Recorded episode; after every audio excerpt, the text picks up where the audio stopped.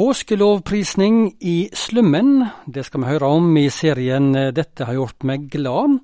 For i påskehelga besøkte Sven Åge Solli Nairobi i Kenya, der dattera Marie Gullor Solli er utsending for Norsk Luthersk Misjonssamband og jobber som lærer ved den norske skolen.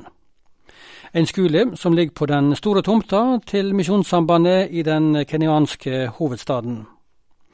Sven Åge Solli jobber i Norge i Misjonssambandet. Han er fungerende regionleder på Sørlandet. Og i påska var han altså på familiebesøk, og i tillegg ble det et høydepunkt med tur til påskegudstjeneste i et slumområde i Nairobi. Altså, For det første så var det jo flott å se sin datter igjen, da. Det, det er jo naturlig. Det som kanskje eh, var mest eh, av betydning, det var eh, at vi fikk lov til å være med på gudstjeneste første påskedag, midt i slummen. En flott kristen oase med masse sang, masse glade innbyggere som, som lovpriste. Så det, det var flott. Etter gudstjenesten så fikk vi jo sto vi i ring utafor kirka og, og hilste på hverandre og, og snakke litt med, med ulike spadeverter. Det er første gangen du eh, besøker Kenya denne påska nå. Første gangen du besøker Afrika for øvrig. Eh, hvordan var det å møte afrikansk kultur eh, for første gang for deg? Du er jo en godt voksen mann nå. Eh, det var eh, altså Noe av det som slår meg, det, det, er jo kontrast, hvor kontrastfylt det er på veldig mange plan. Eh, det var liksom fattigdom kontra rikdom, uh, forsøpling, trafikkultur, uh, naturopplevelser. og ja, og det er klart Noe av det som kanskje frustrerer meg litt, det er jo den derre jeg er jo ikke født med stor grad av tålmodighet. Så i møte med kenyansk eh, hastighet og, og hurtighet, så, så sleit jeg litt. ja, det var en del ting som eh, skulle gått litt fortere for deg? Ja, når vi kom på flyplassen så måtte vi vise pass og billett liksom fire-fem forskjellige ganger. og ja. Men eh, Afrikaturen sånn summa summarum, en gledens tur å få besøke landet på denne måten? Veldig, eh, og en, en flott opplevelse å, å, se at vårt arbeid i, i, området der. Og det er jo en imponerende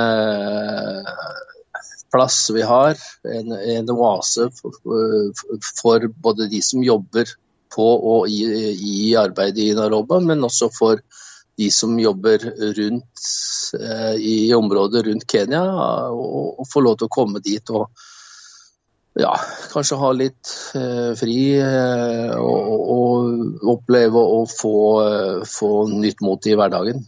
Det tror jeg det fungerer for, for en del av våre folk. Fikk du noe innblikk i hvordan eh, kirka jobber, og hvordan eh, Misjonssambandet er engasjert i arbeidet? Altså, eh, Det var jo mest uh, inn mot det arbeidet som vår datter er med på. Marie hun er lærer på den norske skolen, og, og, hun fortalte jo litt fra det.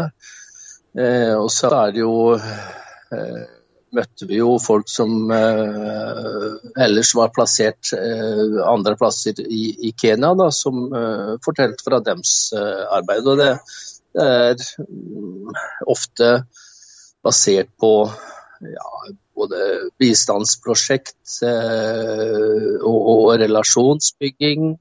Ja. Vel, hjemme i Norge eh, nå sist helg eh, så deltok du på regionårsmøte til Misjonssambandet region sør. Det var på Kvitsund i Telemark dette året. Og hvordan ble den helga?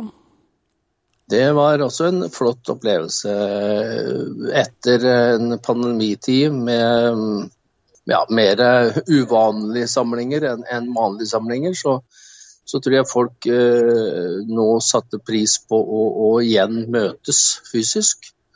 Eh, jeg hadde frykta kanskje at det var, ikke skulle være så veldig mange eh, på Kvitsund, men eh, det var godt over 200 som, som ble bespist og var med på møtene.